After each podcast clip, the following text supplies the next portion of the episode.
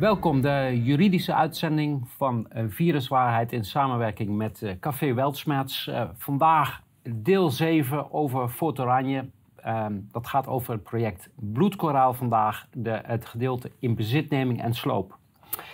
Um, vorige week zijn we gebleven bij de aankondiging van Fort Oranje zelf dat ze zelf wilden gaan sluiten. Nadat ze een aanzegging hadden gehad dat ze moesten gaan sluiten. En vandaag gaan we het erover hebben, wat gebeurde daarna? Um, nadat aangekondigd werd, weet je wat, jullie willen dat we sluiten, wij gaan sluiten. Er brak paniek uit. Er komt uh, 23 juni, uh, s ochtends uh, komen ze bij elkaar en ze roepen een SBGO uit. Dat heb jij ook al vaker gehoord, Wil, want dat doen ze ook bij demonstraties. Hè? Dat is een staf, grootschalig en bijzonder optreden. En s'nachts nog, diezelfde nacht, hè, dus 22 juni, hebben we het persbericht naar buiten gegooid en aangezegd: we gaan sluiten 3 juli. Uh, S'nachts hebben ze nog een plan van aanpak uh, ge, uh, geschreven. En de volgende dag, op 23 juni, komen ze met een enorme kolonne van politie, beveiliging, gemeente, ambtenaren, handhaving, brandweer, noem maar op. zijn ze het terrein opgekomen en hebben jouw vader van het terrein verwijderd. Ze hebben mij uh, en jouw broer en uh, de beheerders... hebben ze allemaal een gebiedsverbod gegeven. En ze hebben een nieuwe beheerder aangewezen. Dus ze hebben de oude allemaal eruit gegooid. Ze hebben een, een uh, machtsovername, zeg maar, is dat. Dit is echt gewoon het bezetten en het landje pikken. Dit ja. is wat uh, heel Nederland te wachten staat als ze geen verzet plegen. Ik wil zonder bevoegdheid, je stormt binnen en je neemt het. En je gooit iedereen eraf die je daar niet wil hebben. Uh, dit komt uit de evaluatie van uh, Instituut Fysieke Veiligheid. Daar staat in over deze dag de bestuurders die willen de beheerskwesties snel opgelost hebben. En uh, ze, willen, ze oefenen druk uit om de camping zo snel mogelijk leeg te krijgen. Dat was het enige doel. Je voorstel, je hebt net een besluit die zegt van je moet alle gebreken, woningwet 1a en 1b, moet je gaan oplossen. Maar wat zeggen ze? Ze wilden gewoon de camping leeg hebben. Het staat er gewoon. Ja, en dat was natuurlijk lastig, want in de persconferentie zouden ze het beheer overnemen en zou er aan iedereen gedacht zijn. Dus dat zie je de hele tijd. Het echte nou, doel en dan, oh nee, ongeluk, we moesten erover liegen. Nou, ze wilden het beheer helemaal niet overnemen. Dat was juist het punt. Ze zeiden, er was alleen maar een aanschrijving. Je moest, alle gebreken moesten opgelost worden. Nog een heel aantal dingen. En ze wilden sluiten. Maar van beheer was in de eerste aanzegging nog helemaal geen sprake. Ze komen met een nieuw besluit. Zonder dat dat aangezegd is, komen ze met een inbeheerneming. En Um, ik heb vorige week laten zien het persbericht wat we naar buiten hebben gebracht en de, en de zienswijze die we aan de gemeente gegeven hebben. We hebben gewoon gezegd, wij geven gevolg, jullie willen dat we sluiten, oké, we gaan sluiten. Nou, wat zegt de gemeente daarop? Nee, we gaan toch handhaven, want Fort Oranje heeft niet aangegeven dat een eind gemaakt wordt aan de geconstateerde overtredingen. En ze zien geen reden om af te zien van handhavend optreden. Ja, dit is denk ik een redelijk uniek in de geschiedenis dat een overheid eerst zegt, je moet dit gaan doen. Vervolgens doe je dat. Dan zeggen ze, ja, nee, dat is niet genoeg. We gaan toch uh, ingrijpen. Ja, en dan die gebreken die niet verholpen worden. Hoe onnozel is dat als je de camping sluit? Want dan zijn die gebreken niet Dan is het klaar. Als je de camping sluit, is het klaar. Want dat was wat men zei dat men wilde. Maar dat door Kijk, dat doorkruiste natuurlijk het echte plan. En dat is langzaam beheer nemen en dan het afpakken. Dat, en slopen, eh, noem maar op. Dat was natuurlijk het echte plan. Er komt dus een aangepast besluit op 23 juni. Dat hebben ze ook even heel snel in elkaar uh, geflanst. En uh, daarin staat Fort Oranje en Divine, allebei worden nu in één keer aangeschreven. Die moeten binnen vier weken alle gebreken woningwet 1a en 1b gaan herstellen. Dan wel de eh, caravans sluiten die niet hersteld zijn. Even een opmerking. Eh, in die tussenliggende weken heeft Fort Oranje eigenlijk al al die gebreken ofwel verholpen ofwel de caravan verzegeld. Zoals dat ook in de aanzegging stond. En dat hebben we ook nog een keer daarnaast gedaan, behalve dat we gezegd hebben we gaan sluiten. Tegelijkertijd wordt de exploitatievergunning ingetrokken. En ehm, in afwijking van die aanzeggingsbesluit gaan ze nu in één keer op artikel 13b woningwet. Nou, wat is die 13b woningwet? Die geeft de bevoegdheid als iemand een uh, huiseigenaar is of eigenaar van meerdere panden en die verwaarloost bijvoorbeeld die panden en is al vaker aangeschreven wegens gebreken, dan kunnen zij zeggen: jij, mag jij wordt verplicht om het beheer over te dragen. Het bepakken van beheer kan helemaal niet, wat ze gedaan hebben. Ja, wat, wat hier het mooie aan is, aan de ene kant pretenderen ze uh, Divine bestaat niet, dan wordt Divine toch weer aangeschreven. En aan de ene kant zeggen ze, er is sprake van illegale permanente bewoning. En ondertussen gebruiken ze wel de, de woningwet. Dus dit is echt ja, bedrog. Nou, op zich, die woningwet dat je die gebruikt is op zich niet zo raar. Als het gaat, kijk, een caravan is ook een, een staakcaravan is een bouwwerk. Dus op zich is de woningwet al van toepassing. Maar wat zij gedaan hebben, kijk, die, die woningwet die voorziet in de mogelijkheid om één bouwwerk in beheer te nemen. Hè? Um, want je, die, die, de, de wet geeft de keuze tussen een, uh, een bouwwerk, uh, dan wel een erf, horende bij een bouwwerk, dan wel een onbebouwd grondstuk. de, meer smaken zijn er niet. Nou, welke van die drie is nou een camping met 800 bouwwerken? Eh, wat zegt de gemeente? Die zeggen ja, dat is een onbebouwd stuk grond met 800 bouwwerken erop. En ja, het klinkt absurd, maar dit is letterlijk wat in de rechtbank gezegd is en waar de rechter ook in eerste eh, aanleg al in is meegegaan. Hè? Terwijl dan zeg ik, ja, maar waarom heb je dan drie opties in de wet? Want dan is gewoon alles is natuurlijk een onbebouwd grondstuk eh, waar iets op staat, of dat als erf of weet ik veel wat. Het is een onmogelijkheid. De wet zegt één bouwwerk. Dat betekent, je had wel 800 bouwwerken, maar dan moet je per bouwwerk gaan zeggen waarom die gesloten moet worden en wat de gebreken zijn. Je kan niet zomaar een hele camping zeggen, nou, we nemen gewoon die hele camping eh, nemen we in beheer met alle bouwwerken daarop. Dat gaat niet. Wat ze ook doen wat niet kan, is namelijk Fort Oranje en Divine verplichten om binnen vier weken de gebreken te herstellen. Uh, hoe ga je dat doen als je net een gebiedsverbod gehad hebt? Uh, je mag er niet eens meer komen. Niemand van jou mag daar nog komen. Uh, dus je hebt ook geen macht meer over dat gebied. En dan staat in het besluit: jij moet ze binnen vier weken, en als je niet herstelt, dan gaan we sluiten. Uh, Verder eh, is het doel van het besluit, zeggen ze, we gaan de camping saneren naar een niveau dat nodig is om veilig en gezond te leven. Ja, dit zijn weer van die. Uh, uh, hoe zeg je dat? Dit is een beetje eh, dat je op het Malieveld nat wordt gespoten, bij elkaar gedreven en in elkaar geknuppeld. Voor je gezondheid. Voor je gezondheid. Precies, om jezelf te beschermen, om jou te beschermen. Het is Orwell 2.0, dit soort uitlatingen. En de camping wordt volgens het college tijdens de sluiting in een voor bewoning geschikte staat gebracht. En natuurlijk weet de gemeente dat het natuurlijk onzin is, want dat is helemaal niet de bedoeling, hebben we vorige keren ook al besproken. Uh, wat ik net al een beetje zei over artikel 13b woningwet, dat is, het geeft dus de bevoegdheid om de eigenaar te dwingen het beheer over te dragen. Maar wat heeft de taskforce gedaan?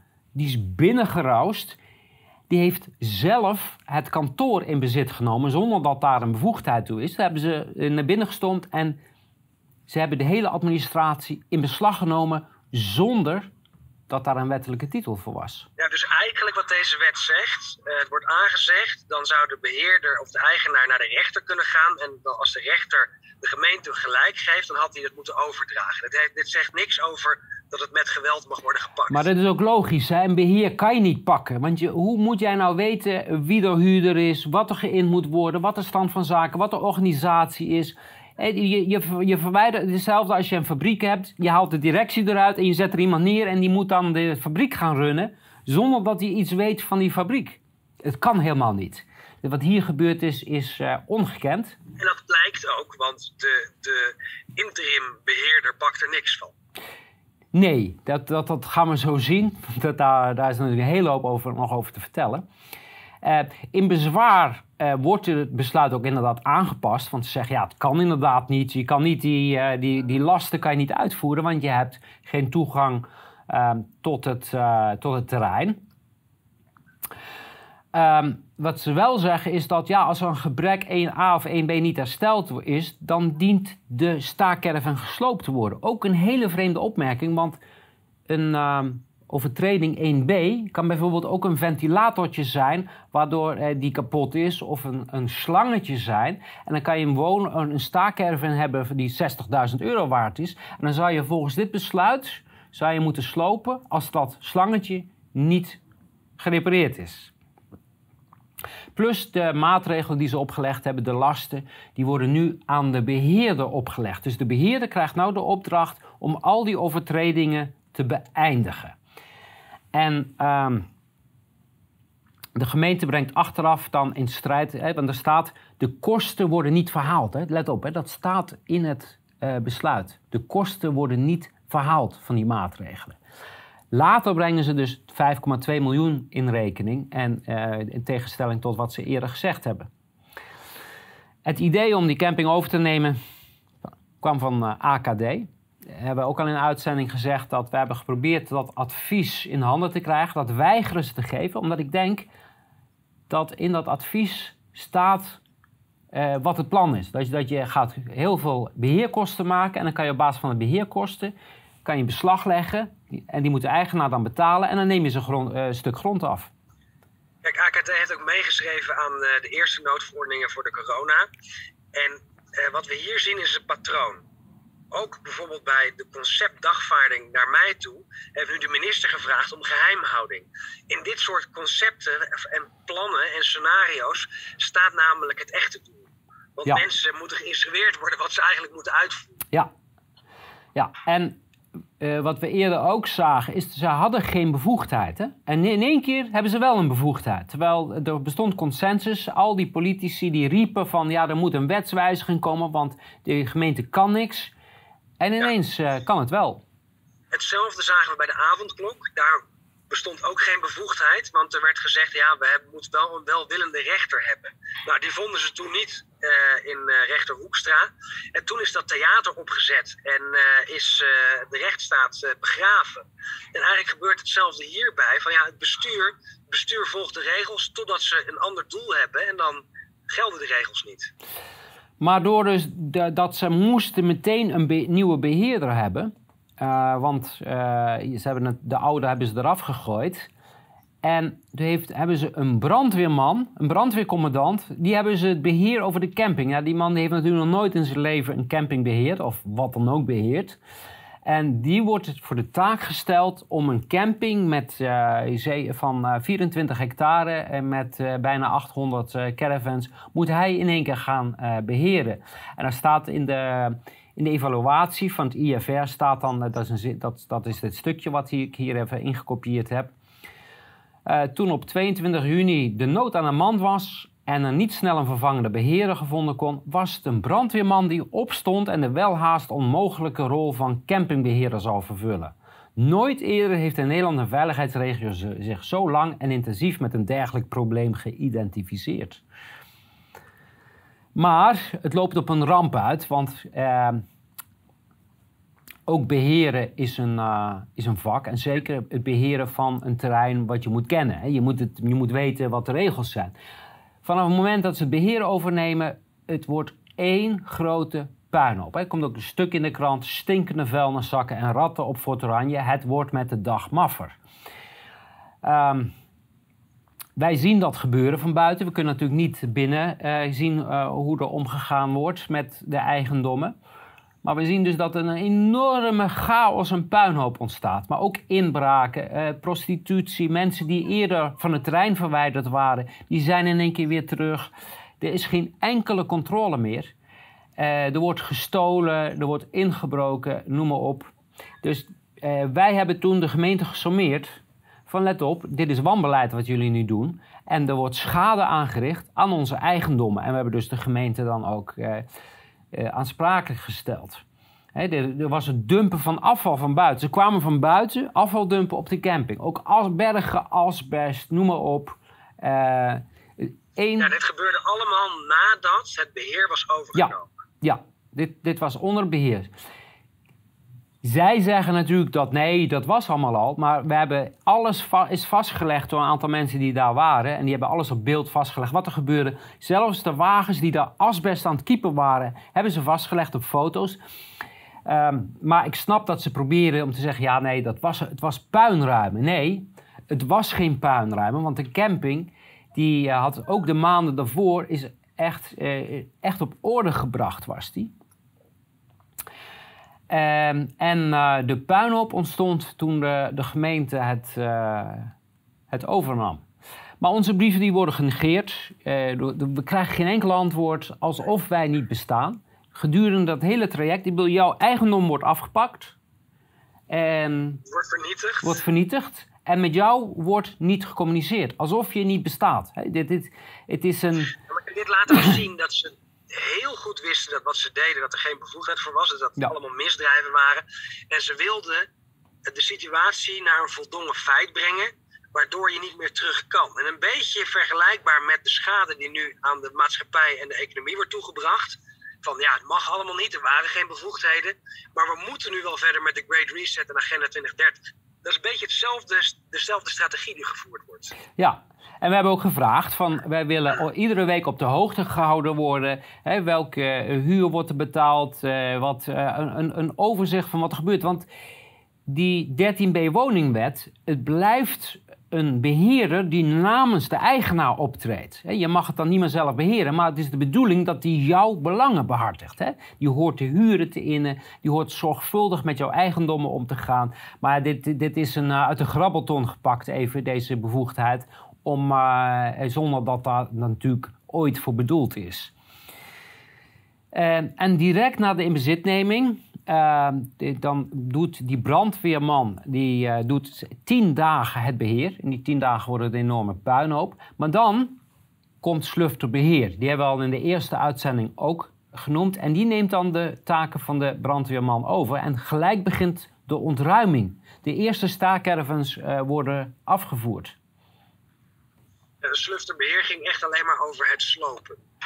Dit is de opdracht van Slufterbeheer. Dus zij zeggen, kijk, de, die 13b, daar staat ook in, je moet, het beheer, je moet de huur in, je moet het naar een hoger niveau tillen. Hè, moeten de gebreken die er zijn, zodat het goed bewoonbaar en goed verhuurd kan worden. Dat is het tegenovergestelde van slopen, zeg maar. Maar Slufter Beheer heet, die, heet dat dan. Die is opgericht voor dit project. Hè. Dit is twee weken na de sluiting is Slufterbeheer pas opgericht. Uh, en als je kijkt naar het plan van aanpak wat door Slufterbeheer is geschreven, dan staat er uh, het opstellen van een eigen intern tijdsgebonden plan van aanpak met amoveren camping voor terrein. Amoveren is slopen. Begeleiding, uh, amoveren locatie, voortgangcontrole, uh, project mijlpalen benoemen. Uh, maar dit is, een, dit is een opdracht om de camping met de bodem gelijk te maken. En we hebben hem gehoord als getuige, meneer Bassaron, Martin Bassaron. En tijdens het verhoor zei hij ook, van, ja, de vraag was, ja, u bent beheerder, u heeft het beheer overgenomen. Heeft u huren geïnd? Ja, dat weet ik niet. Heeft u stroom- en waterkosten afgerekend? Geen idee. Ja, wat heeft u dan wel gedaan? Nou, we hebben wel eens wat klusjes gedaan. Dus we hebben wel eens een uh, reparatie gedaan aan een caravan. Let op, deze man die kreeg 1, die heeft 1,25 miljoen officieel uh, geïncasseerd voor beheer van over 10 maanden, geloof ik, 9 maanden. En, en mogen we die klusjes dan zien? Nee, want nee. die campings, of die, die, die caravans zijn allemaal gesloopt. Nou, alles is. Er, was, er is geen uh, documentatie van wat hij gedaan heeft. Dus 1,25 miljoen, los van de steekpenningen die hij heeft uh, heeft hij 1,25 miljoen euro. Dit was zijn droombaan. Uh, daar staat hij. Hij, hij, hij werkt met Rich, hoe noem je dat? Richback honden, of hoe heet die honden? Va vast heel mooi. Uh, maar wat ook opviel was dat hij kreeg niet de opdracht om die gebreken te herstellen op basis waarvan beheer genomen was. Terwijl dat onderdeel zou moeten uitmaken van beheer. Dan zou je verwachten, jij krijgt opdracht om bijvoorbeeld alle gebreken aan de caravans te herstellen of andere dingen te verbeteren. Nee, alleen maar sloop. En de camping moest gesloopt opgeleverd worden op 23 juni 2019. Ja, hoe ruim je dit met het besluit waarin zegt... we gaan er een leefbare en gezonde, een, een gezonde leefomgeving van maken... zodat er weer gewoond kan worden.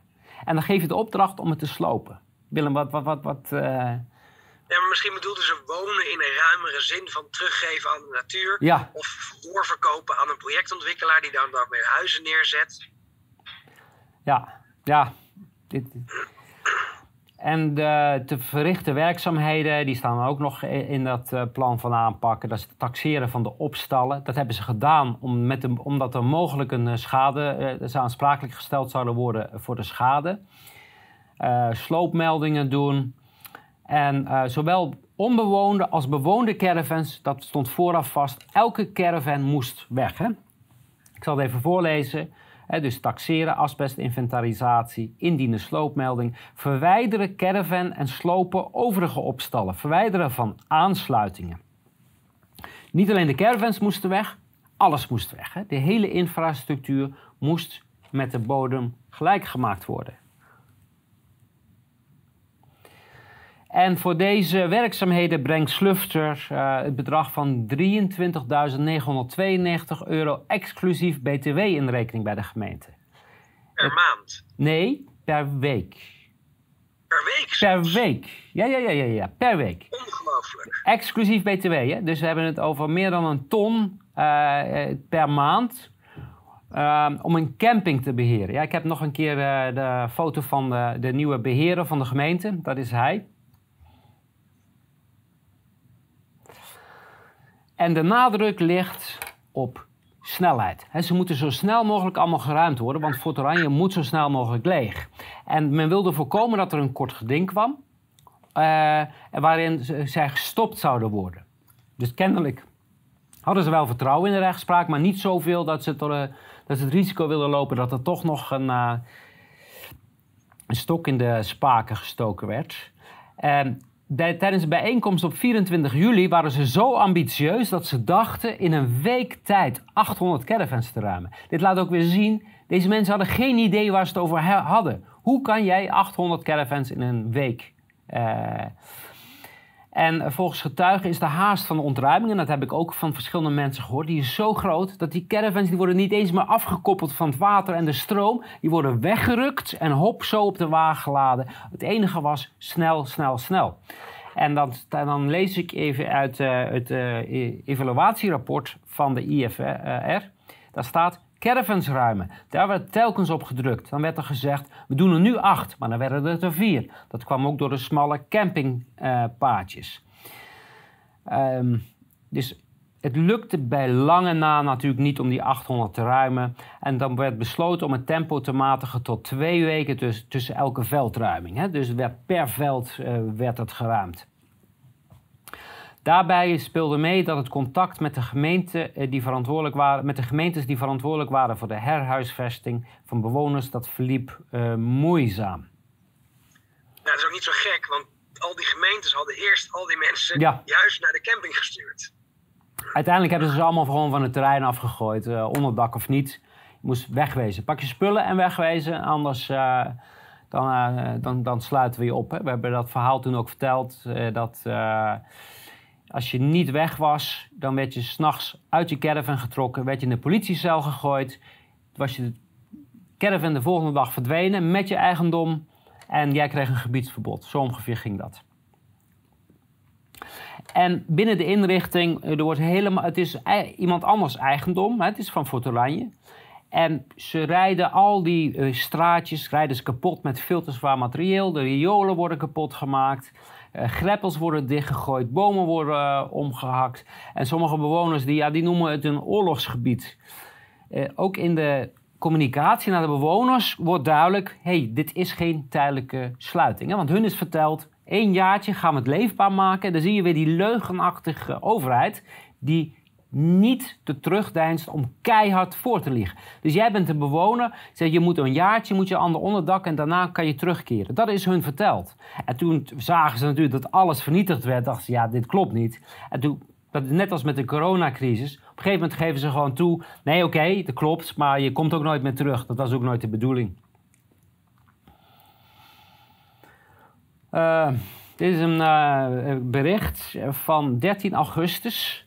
Fort Oranje moet dit jaar nog helemaal leeg. Ook daar weer, ze hadden eerst... Weer de, de vlucht vooruit. Ja, ze hadden eerst dus dat ze het een jaar dicht wilden doen. Uh, dat iedereen ook weg moest zijn vanaf augustus. Toen zeiden ze, maken ze ervan, nee, we gaan er een jaar over te doen om het te sluiten. Om tijd te hebben om de mensen te herplaatsen. Vervolgens, ik bedoel, dit is nauwelijks een maand uh, later, uh, zeggen ze nee, de hele camping moet dit jaar leeg. En dat is ook logisch, want dit was al lang besproken. Hè? Dat, dat zie je uit die, de, verslagen van daarvoor. Dat de sloop altijd al de, de planning was. Ja, ja, sloop en onteigening. En volgens het plan van aanpak worden de caravans met een taxatiewaarde boven de 1000 euro... die worden opgeslagen op een hiervoor aangewezen terrein. Dit eh, komt uit het plan van aanpak. Uh, wat staat erin? Uh, uh, door de gemeente Zundert nog een nader te bepalen termijn. Dus voor, hoe lang ze worden opgeslagen. Dit impliceert dat de gemeente Zundert hiermee het juridisch risico aanvaardt dat zij, indien door een gerechtelijke uitspraak zo bepaald wordt, eventuele vergoedingen aan eigenaren van de gesloopte uh, caravans tot 1000 euro. Want het was alleen maar de bedoeling dat caravans tot 1000 euro gesloopt werden. De rest zou netjes opgeslagen worden voor uh, de eigenaren, voor het Oranje. Vervolgens hebben wij een, uh, een kort geding aangespannen. Om, uh, want we zagen dat al die caravans afgevoerd werden, terrein vernietigd werd. En wij zijn naar de rechter gegaan van stop dit, onze eigendommen worden vernietigd. maar wat beweert de gemeente daar in de rechtszaal? Die zegt, uh, nee, maar we hebben geen andere keus. We moeten echt eerst alles weghalen voordat we het leefbaar kunnen maken. Dat is ook weer zo'n vals dilemma. Ja, er is maar één, dat is een probleem en daar is maar één oplossing voor. Probleem was volgens hun, dat hebben ze erbij verzonnen. Probleem was, zeiden ze, dat er allemaal mensen illegaal in die caravans zouden gaan wonen. Totale onzin, nooit gebeurd. Maar dat is het probleem wat je verzint. En daar heb je namelijk maar één oplossing voor. En dat is, we moeten 800 caravans tijdelijk gaan verplaatsen ergens op gaan slaan, zodat we terrein weer, dat we rust terugkrijgen. Uh, en in de conclusie van antwoord, ik heb hem hier even, daar zeggen ze keihard, die advocaten, nee, de eigendommen worden zorgvuldig verplaatst. We hebben daar een, een, gespecialiseerd bedrijf voor. En die gaan we opslaan zodat er geen schade ontstaat voor Fort Oranje. Dit is wat aan de rechters is.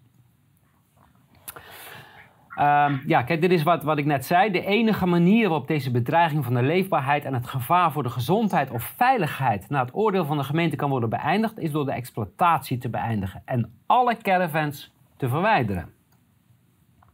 Want die problemen, die veiligheidsproblemen, die zijn zo diep geworteld dat het noodzakelijk is om de gehele camping aan te pakken.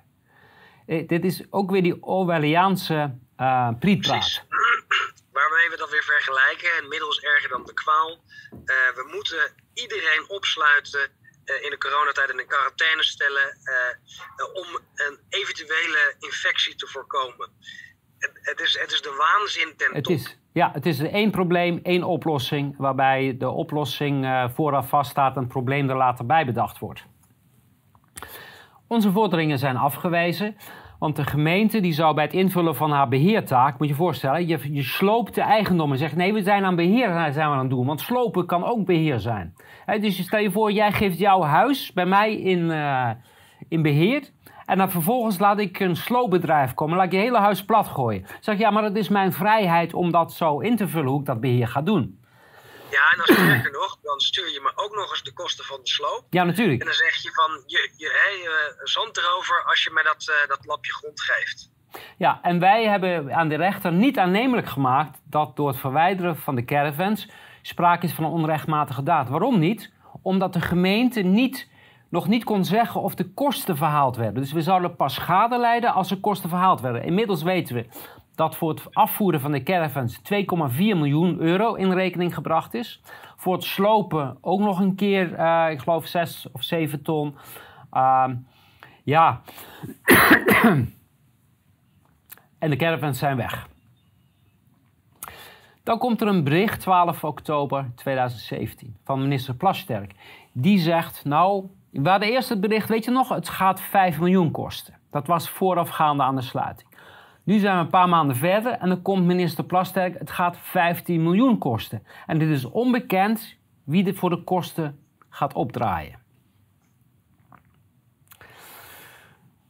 Um, dan hebben we nog een uh, voorlopige voorziening aangevraagd tegen het sluitingsbesluit. Dus de inbeheerneming. Dat is, uh, ja, uh, dat kan helemaal niet op basis van de woningwet, artikel 13b. Wat gebeurt er vervolgens? De rechtbank die verklaart zich niet ontvankelijk. Waarom? Zelf niet ontvankelijk. ja, waarom? Omdat de gemeente zegt... Er is één onderdeel, er waren allemaal deelbesluiten, iets van 20 Eén onderdeel daarvan zag op de wet Milieubeheer. En de wet Milieubeheer is alleen de Raad van State bevoegd. Maar ik heb gezegd, weet je wat? Wij trekken het bezwaar tegen de wet Milieubeheer trekken wij in, zodat u bevoegd bent. Maar het was duidelijk, het was van tevoren al uh, bekonkeld.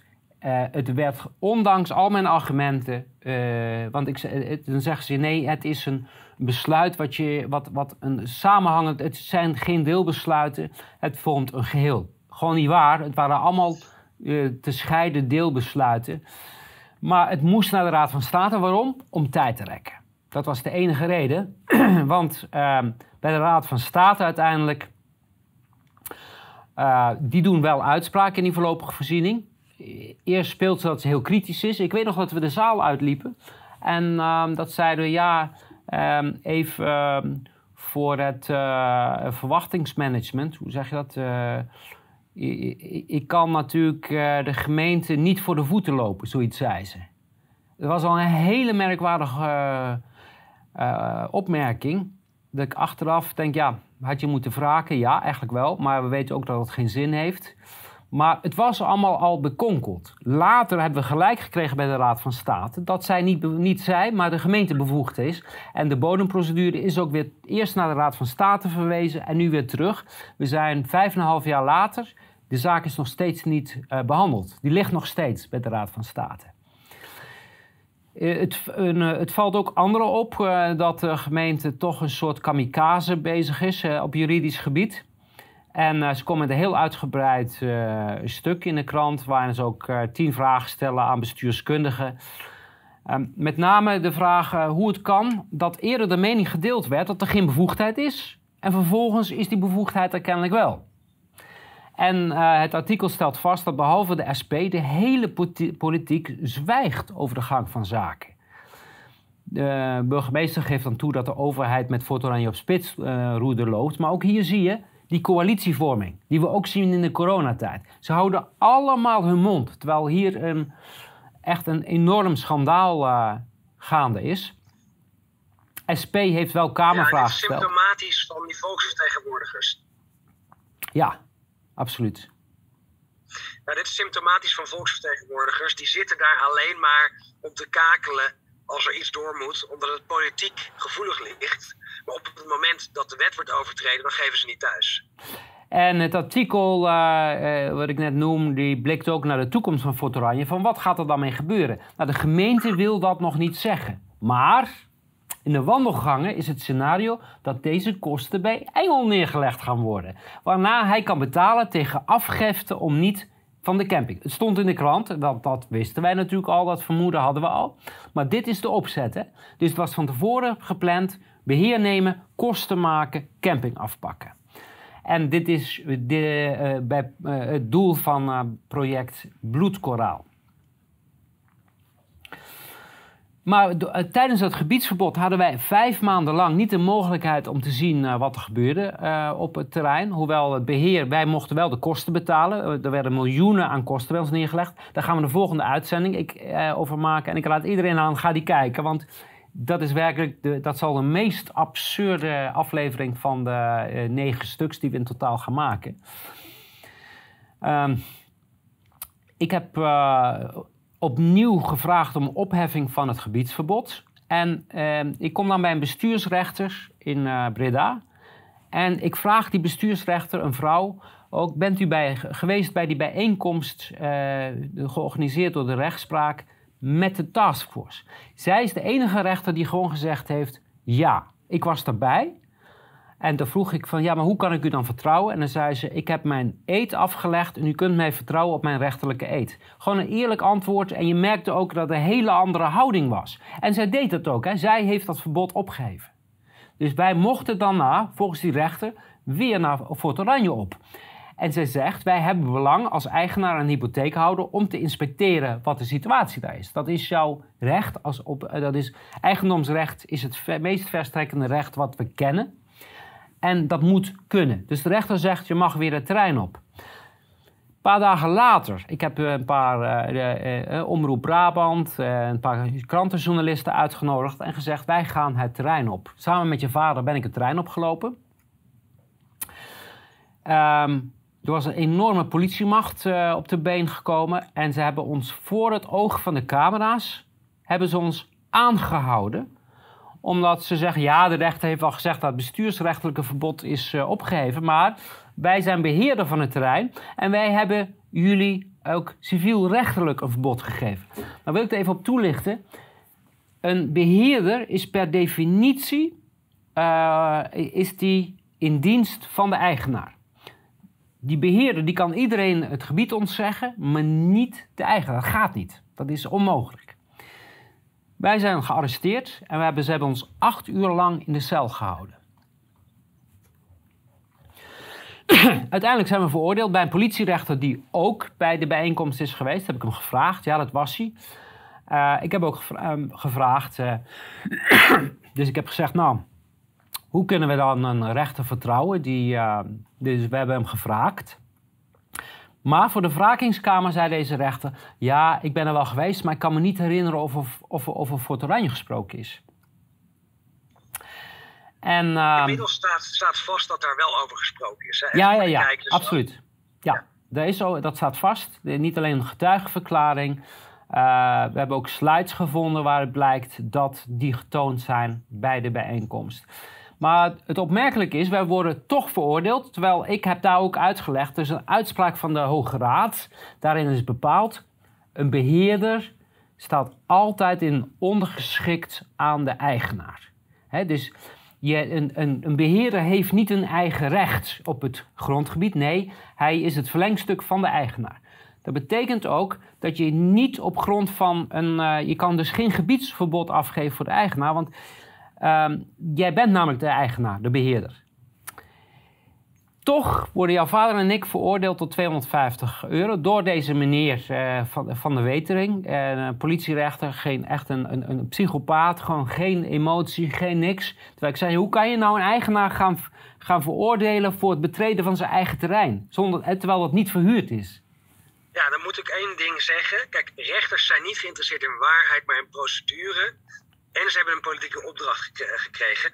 De zitting van vorige week uh, van Doreen was ook heel mooi te zien. Ook een politierechter die zegt van... Ja, nou en? En uh, ik ga er niet over of het noodbevel onrechtmatig was. Ik ga er niet over of het bestuur misdrijven heeft gepleegd. Dat is een bestuursrechtelijke zaak.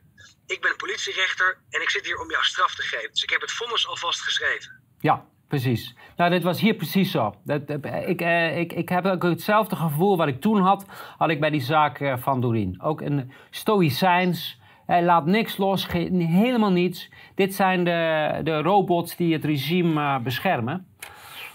Na 20 januari kondigt de gemeente aan dat de laatste bewoners gaan vertrekken op 1 maart. En uh, de laatste huurders uh, verlaten, daarmee terrein, waarmee de ontruiming dus bijna uh, voltooid is. En op 19 maart vindt dan de overdracht plaats van Slufter. Wat opmerkelijk is in die overdrachtrapportage, die, kijk, deze stukken nogmaals, die hebben we alleen maar gekregen door te procederen, door WOP-verzoeken, noem maar op, inzageverzoeken. Elk van deze stukken heeft een gevecht gekost. Hè? Want dit was allemaal strikt geheim, geheim, vertrouwelijk, noem maar op. Uh, uit dat verslag blijkt dat er inderdaad 1250 mensen waren toen ze de camping innamen. Wat was het verhaal van de gemeente? Daar blijkt ook weer dat ze gelogen hadden. Ze hadden namelijk gezegd dat er maar 750 mensen waren en dat nadat ze het in bezit hadden genomen, dat er nog een keer 500 mensen bij waren gekomen. Is keihard gelogen. Er waren 1250 mensen en dat klopt ook met uh, de telling die we zelf uh, gedaan hebben. Ook weer een keiharde leugen. Dan 18 juni 2018, eh, dan uh, wordt de burgemeester die bespreekt daar de begroting.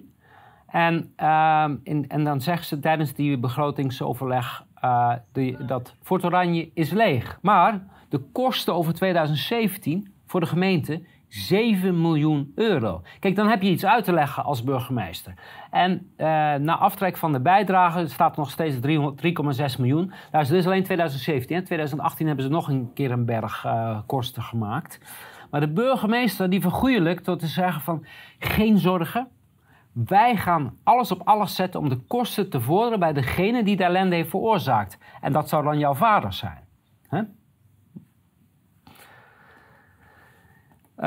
Vervolgens ja, hebben wij... Het is ongelooflijk wat voor een afpersingsmachine. Uh... Ja. En in die tussentijd weten we nog steeds niet waar die caravans zijn. Er zijn 700 caravans verdwenen, dus we vragen aan de advocaat van de gemeente: kunnen we nou eindelijk een keer gaan inspecteren? Uh, er komt geen antwoord op en iedere keer weer. En ja, uh, dan zeggen ze aanvankelijk: ja, jullie mogen die caravans niet inspecteren want wij zijn geen beheerders. Ja, ik bedoel, hoe verzin je het? Je moet iets verzinnen. En daarom zou een juridische grondslag uh, ontbreken. En pas nadat we dreigen met een kort geding, we zeggen we, hebben gewoon het recht om onze caravans te inspecteren, we willen ze zien. Nou, dan zeggen ze, nou, wij laten een eenmalige inspectie op het terrein toe, onder begeleiding van gemeentelijke toezichthouders, een advocaat en op de voorwaarde dat we niet filmen. Dus we mogen dan even op het terrein en zegt de advocaat, het gebiedsverbod wordt natuurlijk niet opgeheven. Dus de, de logische vraag van ons, ja, maar staan die staakcaravans dan op dat terrein? En de gemeente reageert weer niet, de advocaat ook niet. Dus opnieuw met een kort geding gedraagd. En dan komt 7 december het hoge woord eruit. Ja, hij heeft het even nagevraagd bij de gemeente. Nu blijkt dat alle caravans zijn gedemonteerd en de onderdelen zijn verwerkt. En om die reden zijn er eenvoudigweg geen caravans om te inspecteren. Dus wij hebben geen belang meer daarbij. Hoe gek kan je het krijgen? Dus uh, na maanden traineren geven ze toe, ja, we hebben jullie eigendommen gewoon vernietigd. En daarmee hebben ze de rechtbank kei en keihard voorgelogen. ze hebben al die zaken gewonnen door te liegen. Niet alleen door hun van tevoren te instrueren, niet te instrueren, maar te beïnvloeden.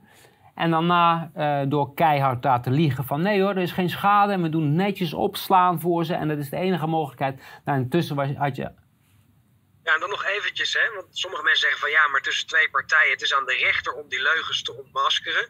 Nee, er is hier natuurlijk wat anders aan de hand. We hebben het over een bestuur wat uit ambtenaren bestaat die ook een ambtseed hebben afgelegd. Het is sowieso niet toegestaan om de rechter te misleiden vanuit het bestuur. Nee, absoluut niet. Nee. Zo'n bijeenkomst is trouwens ook, uh, die ze georganiseerd hebben, dat is in strijd met de wetrechtelijke organisatie. Je mag nooit bijeenkomsten hebben met procespartijen of partijen waarvan je mag verwachten dat die in de toekomst procespartij worden. het is... dat, dat is heel duidelijk uit deze stukken, dat ze erop uh, anticipeerden dat er rechtszaken naar voren kwamen. Dus dat die verwachting er was, staat vast. Ja, maar het is interessant achteraf hoe de rechtspraak ook is voorgelogen. En dat zou je eh, niet, uh, normaal gesproken niet mogen accepteren. Ik ben op dit moment bezig met een, uh, weer een uh, dagvaarding om die dwangbevelen buiten effect te stellen. En een onderdeel daarvan is de beïnvloeding van de rechtspraak. En dat is een objectief gegeven. Hè? Het is niet een uh, samenzweringstheorie. Ik stel alleen maar vast dat er een bijeenkomst is geweest. Of die rechters daadwerkelijk door die bijeenkomst beïnvloed zijn, kan ik niet zeggen. Maar de schijn is al voldoende, is al een overtreding. Het had niet mogen plaatsvinden. Ja, en de intentie van die bijeenkomsten was om een multidisciplinaire aanpak uh, er doorheen te krijgen. Dus de, de, beïnvloeding was zeker een doel van deze bijeenkomsten. Ja, daar gaan we een aparte uitzending over maken. Er komen nog twee. Eentje over de kosten, nogmaals. Dit, dit, was een redelijk korte uitzending, omdat dit paste niet in één. Ehm, maar volgende keer gaan we het hebben over de ruim 6 miljoen kosten, hoe die tot stand zijn gekomen. En dat is echt. Als je dacht dat de eerste afleveringen schokkend waren, nou, dat is echt schokkend.